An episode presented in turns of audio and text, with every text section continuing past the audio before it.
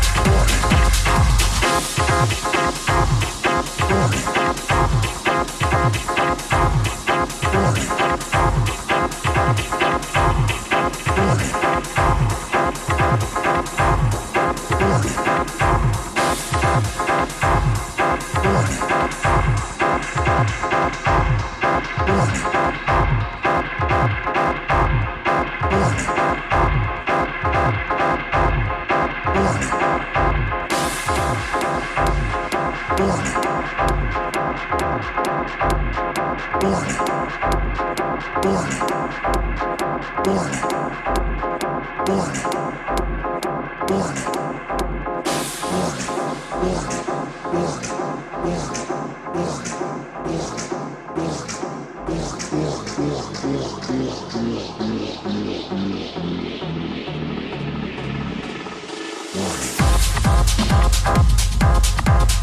Warning.